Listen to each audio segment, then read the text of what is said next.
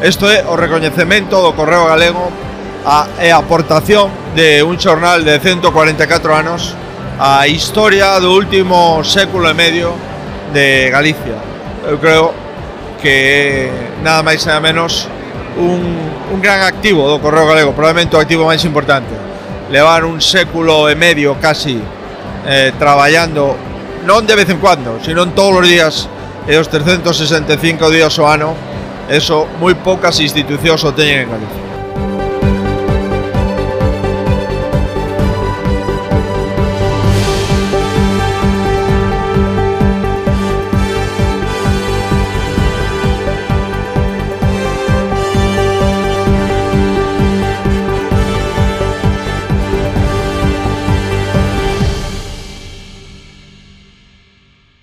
Ola que hai, benvidas e benvidos a esta cousa que se chama actualidade está sobrevalorada e que chega a todos vostedes eh, gracias a, a revista Luces, creo. Eh, ben, eh, está con nós, eh, como sempre, Ana Luisa Bouza. Ola, Ana. Ola, que tal? Está mm, seguindo por orden alfabético Antón Losada. Hola, boas, pero eu pensaba que isto patrocinaba el correo gallego. Pues sí, efectivamente. Xa eh, pero, non, eh, dixeron que sí, pero non chegou a pasta. Eu quero eh, que me eh, investiguen, quero eh, que me investigue o DEF. Quedou a pasta polo camiño. Eh, quero que me eh, investigue o DEF e que saia e que saia o presidente Roda na miña defensa. Bueno, e eh, está, está tamén Marta Otero, que tamén intentou piar, pero con pouco éxito. Hola, Marta. Non pasa nada, non me vengarei. Bo día. Eh, bueno, antes unha cousa, que facíades vos no Prestige? eu traballar. Pero quero decir, a canto cantas veces tuvestes que ser, vos entrevistaron, tuvestes que entrevistar, eh, como é a, como é a cousa? Ana, tú que facías no Prestige? Estabas en Monte Alto teando o horizonte ou Pois eu aínda aínda que estaba militando e participei nas movilizacións e algunha axuda tamén fixen de recoller lixo, eh, en aquel momento era digamos que o Prestige para min foi eh, eh, o antes e o despois da de entrar en, na política activa. O prestix foi cando eu me decatei de que había que facer algo que non era solo pagar a cuota do partido.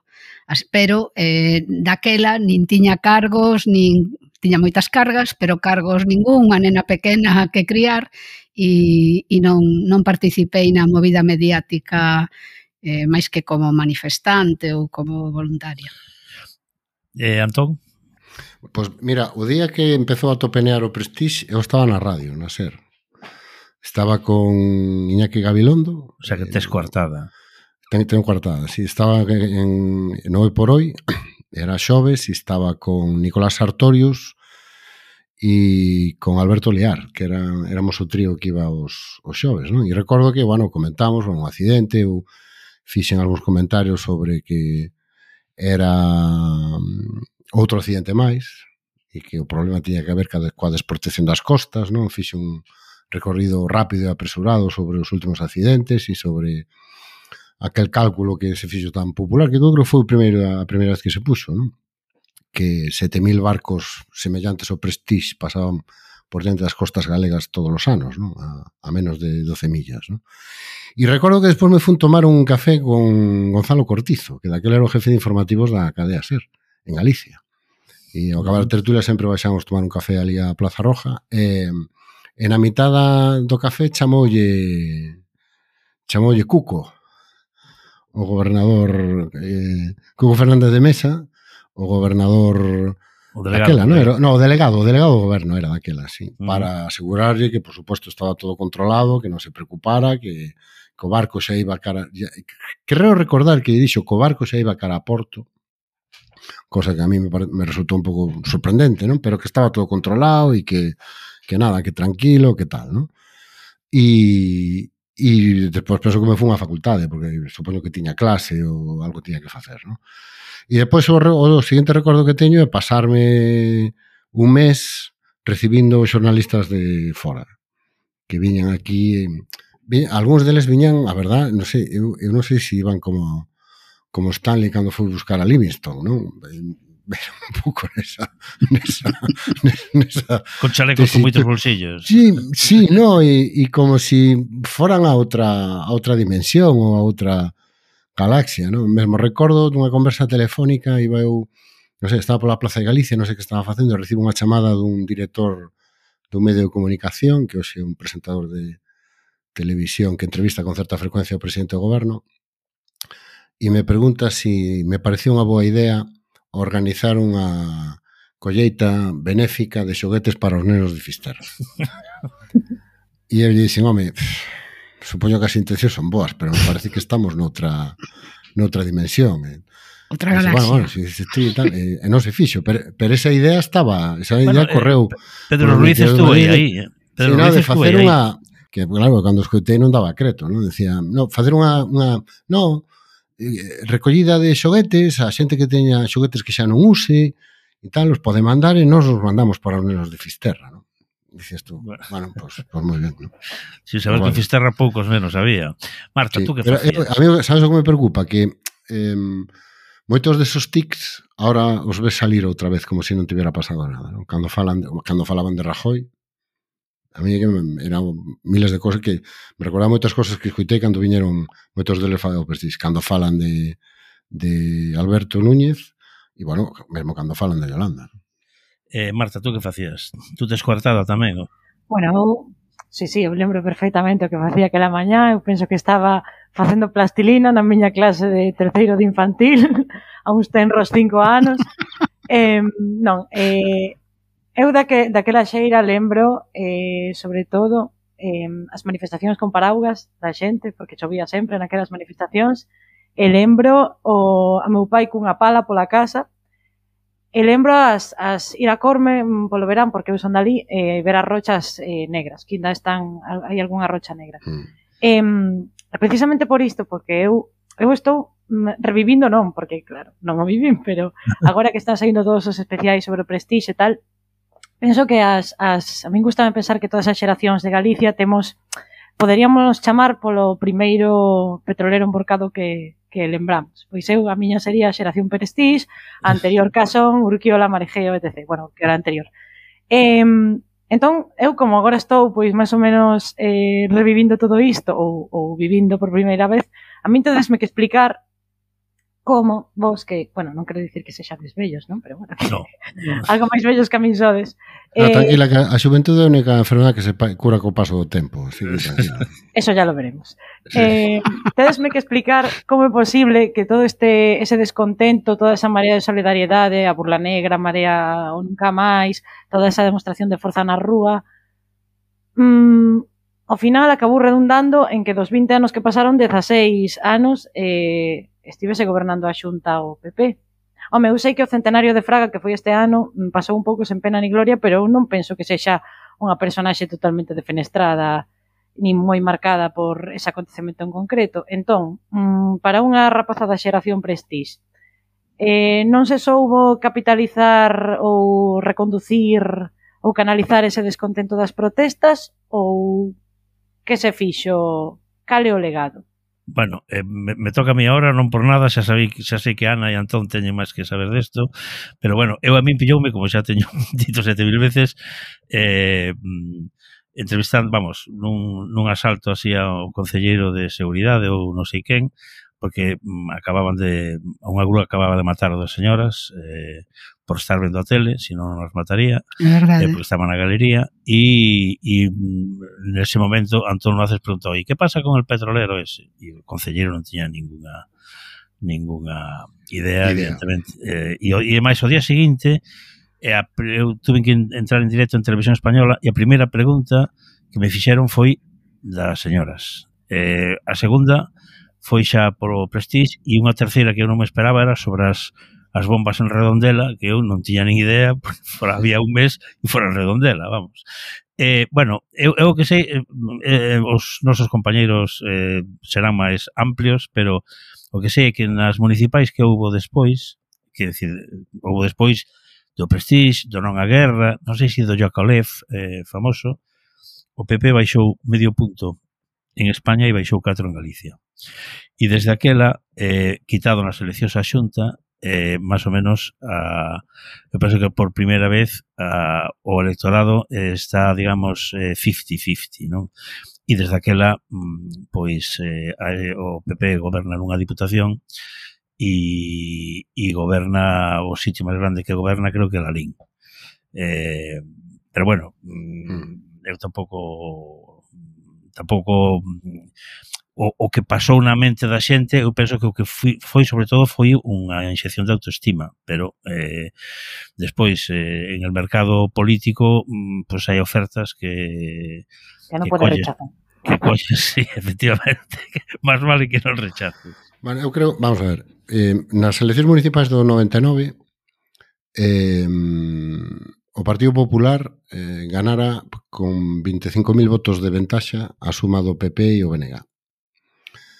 E nas eleccións municipais de 2003, a suma do PP e do, perdón, do PSOE e do BNG superou 80.000 votos os votos que tiña o PP.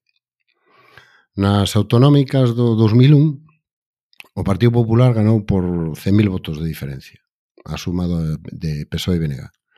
E nas autonómicas de 2005, a suma PSOE e BNG superou, curiosamente, en 100.000 votos os votos que tiña o Partido Popular.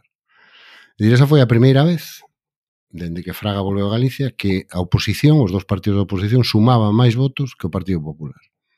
E iso foi o que propiciou todo o que pasou despois, propiciou o cambio especialmente nos ámbitos urbanos, pero tamén en moitos concellos pequenos, propiciou o cambio nas autonómicas e despois veu unha legislatura E nesa legislatura pasaron máis cousas. Houve un goberno bipartito que fixo o peor, o que fixo o millor, pero que fixo o que fixo. Veu unha crise económica brutal. As eleccións de 2009 se convocaron xa sobre un escenario no cal a crise era xa unha realidade moi innegable, no? e o goberno de esquerdas de Zapatero en Madrid estaba ah, tomando decisións como congelar as pensións ou rebaixar os sueldos nun 15% como máximos funcionarios e, e, o feito para mí máis importante, o Partido Popular se renovou. É que hai que recoñecelo, se renovou. Mm. Prescindeu de Fraga, bueno, retirou no, no Senado, trouxe un líder novo, con novas maneiras, fixo unha reforma bastante potente dos, do que eran as caras no? e as, as, as facianas máis visibles do que era o Partido Popular e volveu a conectar con unha poboación onde é o partido máis votado. Nunca deixou de ser o partido máis máis votado. Non? Pero hai moitas cousas que quedan desa, desa época. O pasa que a propaganda é tan enorme que, que está moi instalada a idea que non cambiou nada. Pois mira, cambiaron cousas como, por exemplo, se hai un complemento autonómico das pensións, agora é porque houve un goberno bipartito, que foi posible gracias ao Prestige. Se hai un banco de terras é porque houve un goberno bipartito. Se hai un sistema galego de bienestar, é porque houve un, un goberno bipartito. Se si hai unha rede de galescolas, ainda que agora se chamen Galiña Azul, ou como se chamen agora, non? o Pito Colorado, non sei como se chaman agora, e unha rede de centros de día tamén é porque houve un goberno bipartito. Non? E para min o efecto máis importante, uh -huh. que que si as eleccións as gana o Partido as perde o Partido Popular as próximas autonómicas, a alternativa estará presidida por unha nacionalista. Entón, eu creo que quedan bastantes cosas de, de, de todo o que generou o prestigio. non? Ana, Sí, eu, eh, bueno, pouco máis que engadir ao que di Antón, no? Eh, como decías, unha a onda política do Prestige era unha onda, hmm. non era un edificio que queda construído pase o que pase, non? Igual que unha marea que chega e, e logo marcha, non? E que e que, bueno, eh, aproveitouse o que se pudo esa marea por parte dos actores políticos daquel momento, eh, podíase ter aproveitado mellor pois sí, podíase ter mobilizado máis o voto, pois seguramente sí, pero eu creo que tuvo un efecto político moi importante. Non sabemos que tería pasado sin, sin o prestís, non? Non sabemos se si simplemente a decrepitude de Fraga tería sido abondo como para que houbera un cambio político, non o sabemos, pero dende logo eu eh, creo que, que foi moi importante, o sea, que sumou moito para que houbera ese cambio político e o fundamental foi que mobilizou. Eu non creo que houbera moito cambio de voto, pero probablemente mobilizou pola ira ou pola rabia a moita xente que, que si non iría a abstención, o sea que eh, sí que sí que Eu creo que non cambiou sí moito voto, pero por exemplo, fixo que moito votante do PP se quedara na casa tanto nas municipales como nas autonómicas, máis nas autonómicas, porque nas municipales o PP fixo unha cousa moi intelixente, se vos, se, te acordas, se vos acordades, non? Que, que propiciou a aparición de listas de independientes, que eran antigos concelleiros e xente conocida ao Partido Popular e moitos e moitos concellos, non? que sumaron eh, case 80.000 votos en toda Galicia e sumaron cerca de 200 concelleiros, non? e lle permiteu o Partido Popular despois manter moitos concellos que seguramente sin ese movimento tería perdido, non? Pero eu creo que se generou no, no moito votante popular eh, a idea de que, bueno, o PP xa non era a mellor opción para defender os intereses do país e que Fraga xa non era o presidente que poñía en liña os ministros de Madrid cada vez que baixaba a Madrid e xerou en nos votantes da esquerda, tanto a, a esquerda socialista como o nacionalismo, que mm, había que ir votar. Mm. E, de feito, eh, os resultados do, do BNG e o PSOE medran espectacularmente. Non? Nas municipais, por primeira vez o PSOE pasa dos 400.000 votos en case unha década e por primeira vez o BNG pasa dos, dos, dos, dos 350.000 votos nas municipais. Non? E pois, bueno, contestando un pouco a pregunta de Marta, bueno, pois pasou o que pasou, que decía aquel, non?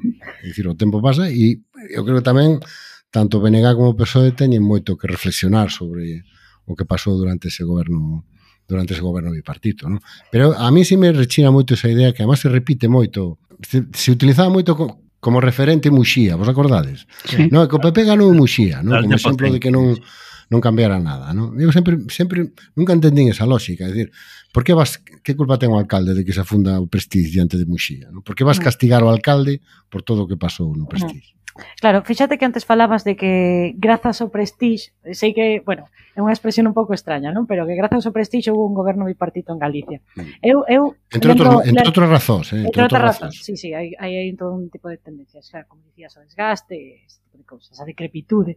Pero eu lembro que unha das críticas, digamos, que se lle afeaban ao a, na, na altura eh, líder da oposición Zapatero por parte de foi penso que por parte de Aznar que que isto era un, un oportunismo político pola súa, pola súa banda e mesmo, bueno, houve algunha declaración polémica de algún diputado, Carmona, foi, sí, penso, bueno, foi, que foi, bueno, foi único, antes, ata semana foi pasada, único, penso, pero foi o único que dimitiu. Que dicía, eh, bueno, imos mm, con marxe de sobra e senón afundimos outro prestige. Entón, mm, non sei pero, que opinades destas, eh, houve certo oportunismo político co, co prestige? Mm, para nada, vamos, o sea, que decir, en primeiro lugar porque o único que dimitiu foi Carmona. A ver, eu creo que hai unha cousa que está pasando agora tamén co accidente do Albia, non? E que hai eh, un intento de, de de culpar o maquinista, non? En aquel caso era o capitán, non? E eludir calquera responsabilidade sí. política.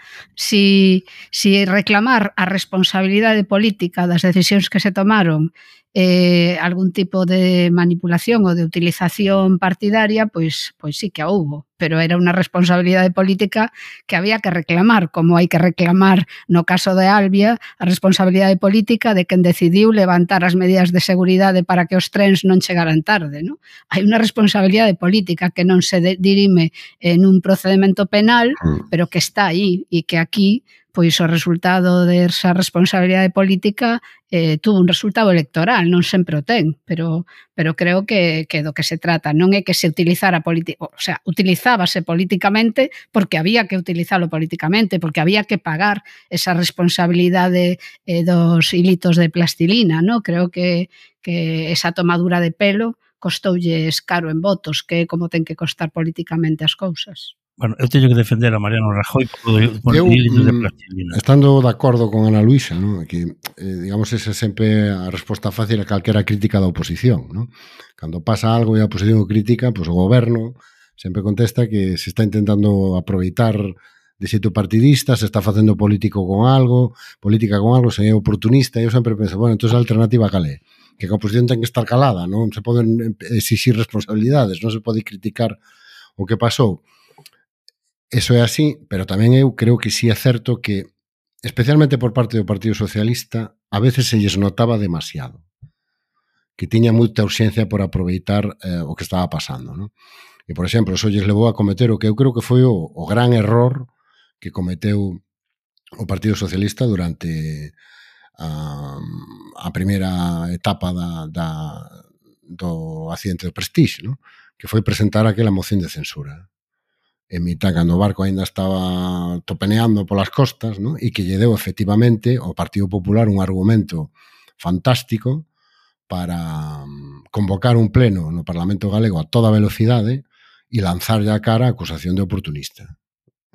E era unha, unha acusación que era realmente moi creíble en ese instante, non? porque era, é difícil de entender, non? que ainda, ainda, se estás tan preocupado polo barco e o barco anda, ainda por aí botando chapapote para arriba e para baixo, e ainda non se sabe moi ben o que se vai facer con ele, e está fundido, e los hilillos, que fai aquí, que face... Non toca tumbar o goberno. Claro, que facemos aquí no Parlamento Galego discutindo desto, non?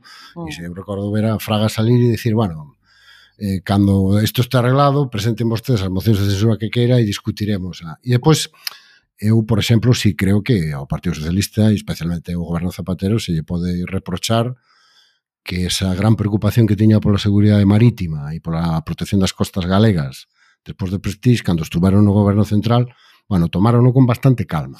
Bueno, e inauguraron unha... Mm. Un... E xa non foi unha prioridade tan urxente. Se fixeron cousas. E tampouco tamén, esa outra das cousas que cambian co prestige. É dicir, que as costas galegas hoxe están moito claro. máis protegidas. Non? Estamos bueno, hoxe mellor preparados, digamos. Sí, sin, sin dúbida ninguna. Eu que sí, Pero e ademais... se lo tomaron con calma. E non revertiron o que eu creo que é a decisión máis impresentable e máis difícil de justificar, que por que salvamento marítimo está en Madrid. É unha cosa completamente ridícula que salvamento marítimo este en Madrid. Ah. E ademais decía eu que a, pois. eh, a utilización política foi por polas dúas bandas, non? Porque eh, o Plan Galicia que foi senón unha campaña de propaganda, non? Encheron as, as, as, as carreteras Eu pensei que era eh, unha infografía da Voz de Galicia. o Plan Galicia, non? Aínda se no acaba de inaugurar o Parador de Muxía, non? Aínda que levan uso xa uns anos, pero inauguraron este ano o Parador de Muxía, que era unha das, part, da, das dos, dos dos fitos do, do, do Plan Galicia. Eso sí que foi eh, propaganda partidista interesada, non? Hmm, sí, se falamos das consecuencias, temos aí tamén o... Que eu, eu sinto moito porque sei que non é a visión máis eh, popular, pero eu eh, rompo, quero romper unha lanza a favor do, do puerto exterior de Punta Langosteira, que mm, é, digamos, filla de algún xeito daquela catástrofe. É moi eh, filla. Sí, bueno, sí, moi filla sí, non sí. tan filla, eh, que no 97 xa estaba feito o estudo de impacto ambiental, quero mm. dicir aí, penso que fixo a súa parte tamén o Egeo, mm, había vontade de sacar o, o petróleo da ría dende había tempo e eu penso que, bueno, que sí, que el infame Consejo de Ministros en María Pita sí que foi foi un pouco ese espaldarato todo definitivo, pero bueno, eu penso que tamén cando se fala de Langosteira non sempre se é xusto co que un porto exterior, co que unha dársena exterior desas dimensións, e que penso que 20 anos para esa dársena eh, chapuzas co tren que se acaba de licitar mediante, eh, non son nada. E que eu penso que aí sí que dentro duns anos sabemos sacar unha lectura positiva da, dese proxecto que parece imposible de pagar, imposible de asumir, e dese, dese investimento. Bueno, eh, o que está claro é que Punta Langosteira eh, non sirve como porto refugio, quitado que os barcos se dediquen a, mm, a ter accidentes eh, nos 100 días en que pode estar operativo. Pero vamos a falar de outros accidentes. Touche que son os accidentes eh, económicos como o que está a sufrir un medio de comunicación como el Correo Gallego. Eh, sí, porque eu creo que moita xente que está escutando este podcast de que querrían decir o A que viña tanta risita con el Correo Gallego? É que a deixamos eh, votando. Imos a logo. Ben, eh, alguén que poda resumir o que está pasando, máis ben o que pasou con ese periódico centenario, eh, alguén que o queira resumir, eh... Eu creo que Marta é indicada non, Marta, Marta con Santiago de Compostela non se mete. Non, non, non, porque a mí aquí me tedes que facerme un exercicio de memoria histórica. Eu eh, fixa na carreira entre o 15 e 19 e aí estaba, aí non había, no Correo Gallego non había alcalde Martiño Noriega, había alcalde 2.0. E se saía nunha foto era de refilón. Bueno, Eres... o vicepresidente Quintana estuvo ano medio sin salir en el Correo Gallego. Mm, bueno, ano e medio contra catro, non sei. Non sei, o que eu penso agora, non sacar nin de perfil alcaldesa e vamos. Claro, pero con tirar un pouco para arriba a, o, o foco xa está. Eh, a, Vale, pero a ver, Ana Luisa que, eh, que, que, que leva temas da, da administración.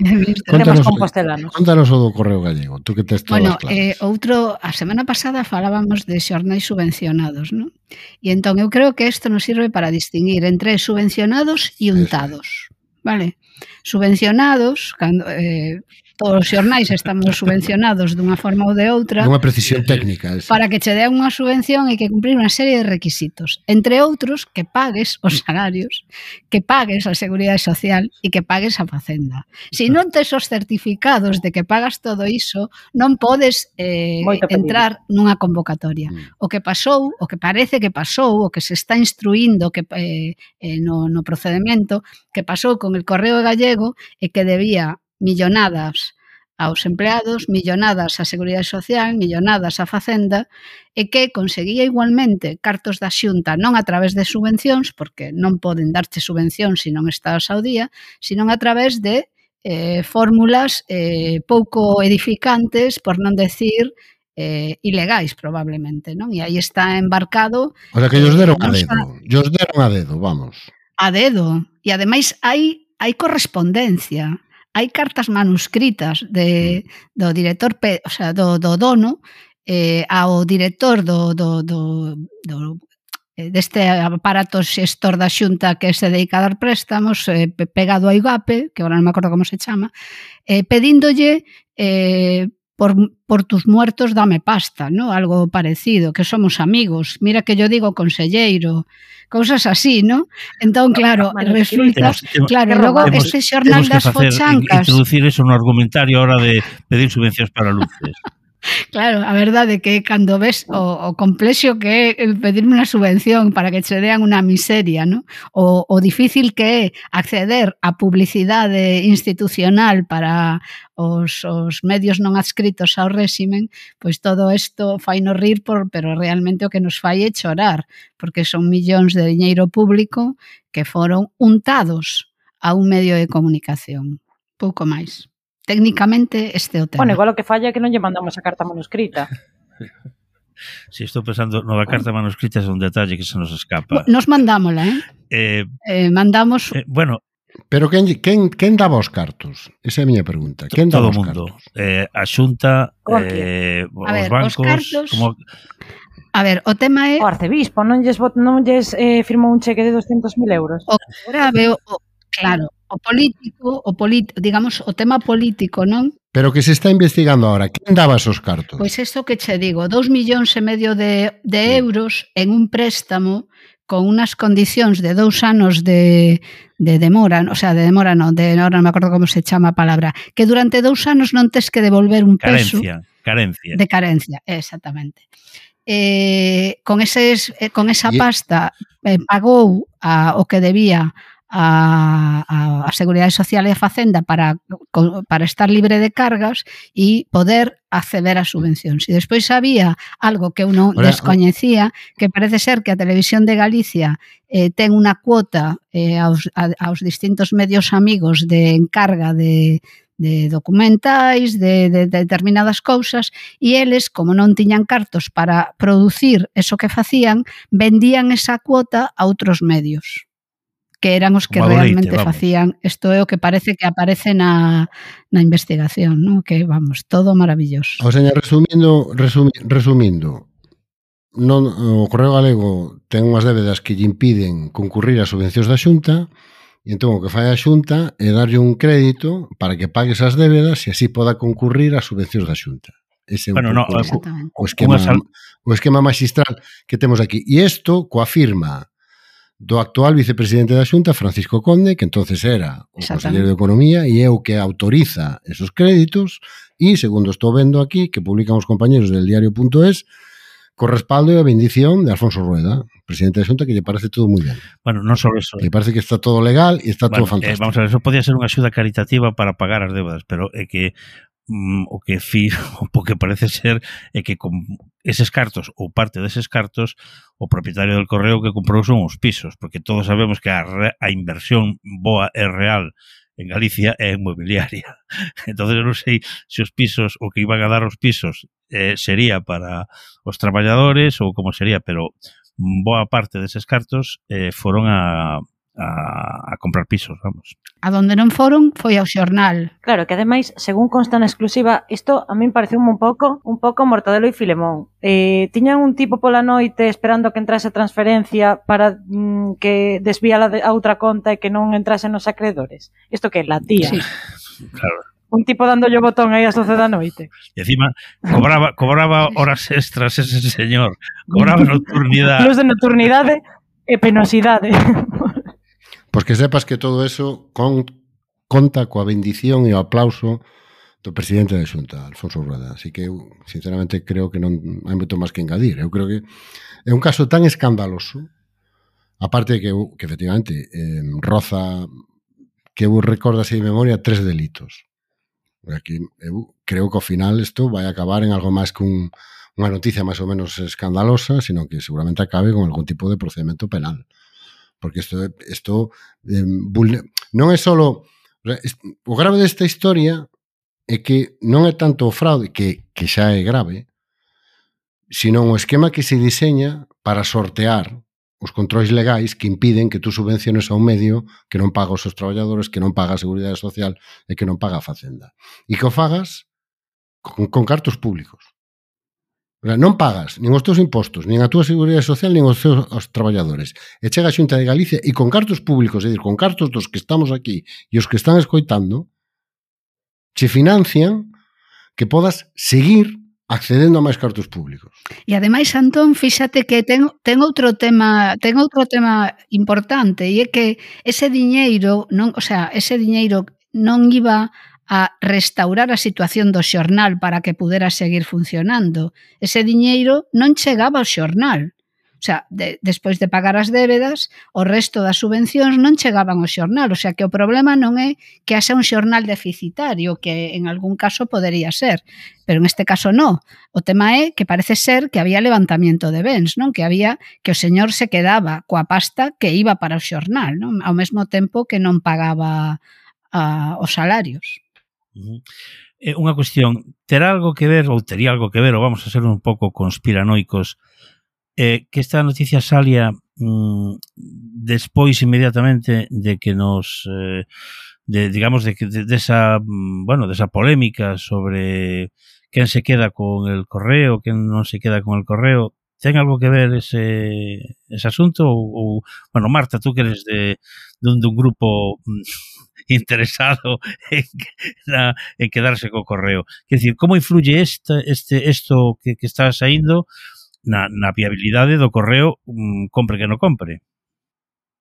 Claro, eu, se non é unha cuestión, un pouco de, bueno, um, no, no caso do Grupo Editorial Prensa Ibérica, a súa estrategia é mm, bastante clara, non? Queren articular Tellar, bueno, é a súa aposta en Dayanos, anos, unha rede de xornais locais para ter influencia nas, nas distintas cidades e capitais de provincia, con maior ou menor eh, influencia e penetración en función de se hai outro medio hexemónico nesa, nesa cidade ou capital, Eh, entendo que, que a parte de Santiago de Compostela, non, bueno, que está cuberta en certo sentido coa delegación de Santiago de Faro de Vigo, se lle escapaba un pouco, digamos, esa, esa influencia ou esa presencia. No caso de la voz de Galicia, tres cuartos de lo mismo, inda que, a ver, eu penso que la voz de Galicia é bastante hexemónica no que é toda a provincia de, da Coruña, eh, na, en Pontevedra, Lugo, Ourense, penso que ten presencia pero outro cantar.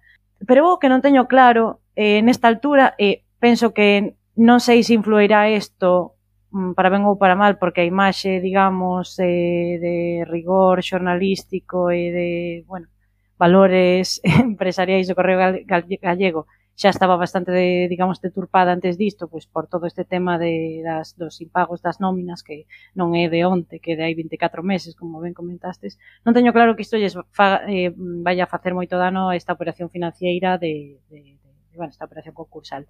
O tema é, cal é realmente o capital social que ten eh, el Correo Gallego en Santiago como para que, mm, porque bueno, o, o a definición que se lle dou ao Correo Gallego en todas as novas que saíron, sobre todo a nivel nacional, é xornal en ruínas. Eu non sei se o Correo Gallego ten moito lector en Santiago, Ten, ten, sí. ten presencia. Eh? Ten presencia. Eu que vivo aquí en Santiago, sí, ten presencia, porque están todos os bares, claro. están todas... Ten presencia ten como para presencia... que sea un, un activo, digamos. E sabes por que sei? Porque o día eu non saio moito no Correo Galego, pero a veces me chaman para comentar cousas de política estatal e, e sempre hai alguén que, que lo ha leído e que lo ha visto, sempre. Mm. O sea, sigue sendo o, con todos os seus defectos, eh, porque a xente tamén é consciente do que lee, non? E a, do, da credibilidade e o valor que lle dá pero sí que creo que sigue sendo un medio que, se, que a cidade identifica como mm. propio. E creo que eso sigue sendo un capital, e o seu capital. E que é un capital valioso. Igual, igual que o Diario de Pontevedra, que tuvo épocas bastante peores que a actual e agora, bueno, é un, é un mm. periódico de referencia. Sí, pero, Santiago, a, a xente, con todo asumindo que a xente sabe o que é e o que ten, pero o sigue considerando o seu periódico, o periódico de Santiago. E eu creo que eso é algo que ten un valor importante é clave nun medio de comunicación e eu creo que é o que se está comprando realmente. Ah. Ben, ah. pois eh, con esta sabia reflexión sobre que os medios de comunicación sempre temos un capitaliño aí, uns máis que outros, pois despedimos eh, ata a semana que ven e a ver se si hai algún tipo de cousa que vincarlle o dente como como estas tan sabrosas ao que linkamos esta, o Prestige, nada menos e nada máis, e da que a semana que ven xa falei demais eh, eh, a semana que ven eh, facedesme falar demais esta, a semana que ven é a semana Prestige eh, de domingo a sábado pois eh, eh, bueno, eh, mm, pois a ver se temos outros temiñas. Eh, moitas gracias, Ana. Moitas gracias, Antón. Moitas gracias, Marta. Bueno. Hala, hasta logo. A ti. Ata semana, chao. Chao. Yo no sé lo que hacer, yo tengo toda la movida ahí. Pero otra es el, el que van a seguir navegando ahí al 300 y pico. Claro, esa es otra. Yo le dije, no, que se va, que siga, que siga y que siga. Y que siga. Como, como se enteren los franceses, no la van a armar. Y- claro. Y, Claro. y la- la- el crucigrama fue que navegue hacia afuera eh, con esto, de forma que le afecte lo menos posible La el estado de la mar. Eso fue lo que me dijo. Ahí Sí. te quedas. Dice, bueno, pues a ver con el río de viejo, espabilate. Ya. Búscate un rumbo que te vaya claro, ¿qué coño? voy a decir yo? Y, y- y así estamos, y el tío sigue para afuera, sigue para afuera. Claro. Eh, con lo de que Oye, y luego, y luego están a bordo toda la gente que hay a bordo. Claro. Estos no van a estar toda la vida metidos en el barco. Ahí está. Yo ya le dije. Los del Ibaizaba ya los vais a sacar, ¿no? Sí, eso sí, pero Serafín no quiere salir, si el inspector. Sí, Dijo que no, que él hasta que arranque el barco no se va de allí. sí. Y que bueno, pues allá tú, ya avisarás para mandarte una unidad. además el barco arrancará, el barco arrancará y querrá- querráis algún sitio de refugio a reparar o a lo que sea. Oh, hombre, hombre, claro. Lo que no va a arrancar y a cruzar el Atlántico. Oh, oh, hombre, claro que sí. Joder. Pues esa situación, pues, pues, pues, pues la mar de la mar de rara. Eh, y claro, como ya ahora se te escapa de tus manos esto, ¿eh? pues, pues, ¿qué le vamos a hacer? Yo ya no, ya no sé hacer más. No, no, no, ahora, ahora Eh, tranquilos, que lo vayan, a- a que lo vayan diciendo. Me vinieron también los representantes de la Smith Tag, que tienen cinco técnicos de la Smith Tag que los querían embarcar, que, que a ver si yo le prestaba un helicóptero. Dije, mire, de, de entrada vamos, no, no nos dedicamos a eso, pero mande un fax, lo que sea, no mando nada. No, no, no. Nada, nada, no mando nada. No, eso no, eso no queda más remedio que hacerlo porque no tienen otra forma de ir. Sí, sí, bueno, bueno, pues tiene que mandar a. Bueno, pero vamos, que lo pidan y que si, si hay posibilidad se hace, vamos, que no es... Claro, claro, claro. Sí, sí, sí. Bueno. Bueno, José, pues muy bien. Vamos a ver... Vamos a ver cómo quedan las cosas. A ver, a ver si alguien... Es que ahora están contentos y no sé qué me da agua en la fiesta, porque están todos más contentos, exultantes. Sí. Están, joder, la hostia. Hoy, hoy, hoy desfilan las medallas.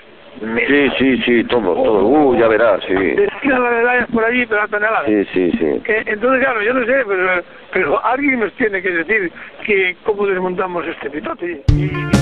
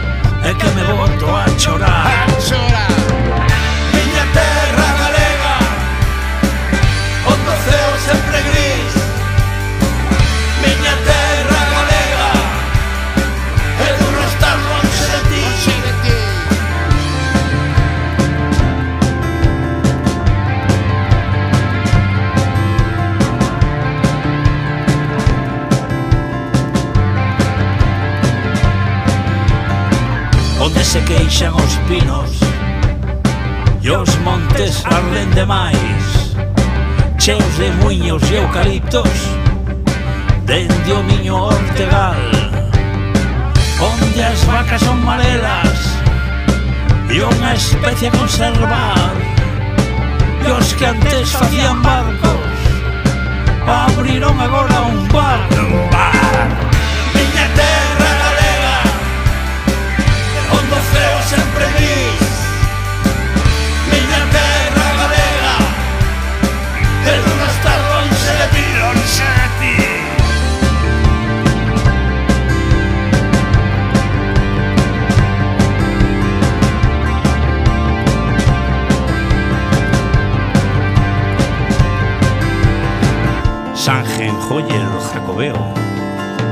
empanada e pulpo a feira, queima dalle el vino turbio, lo bien que se come aquí,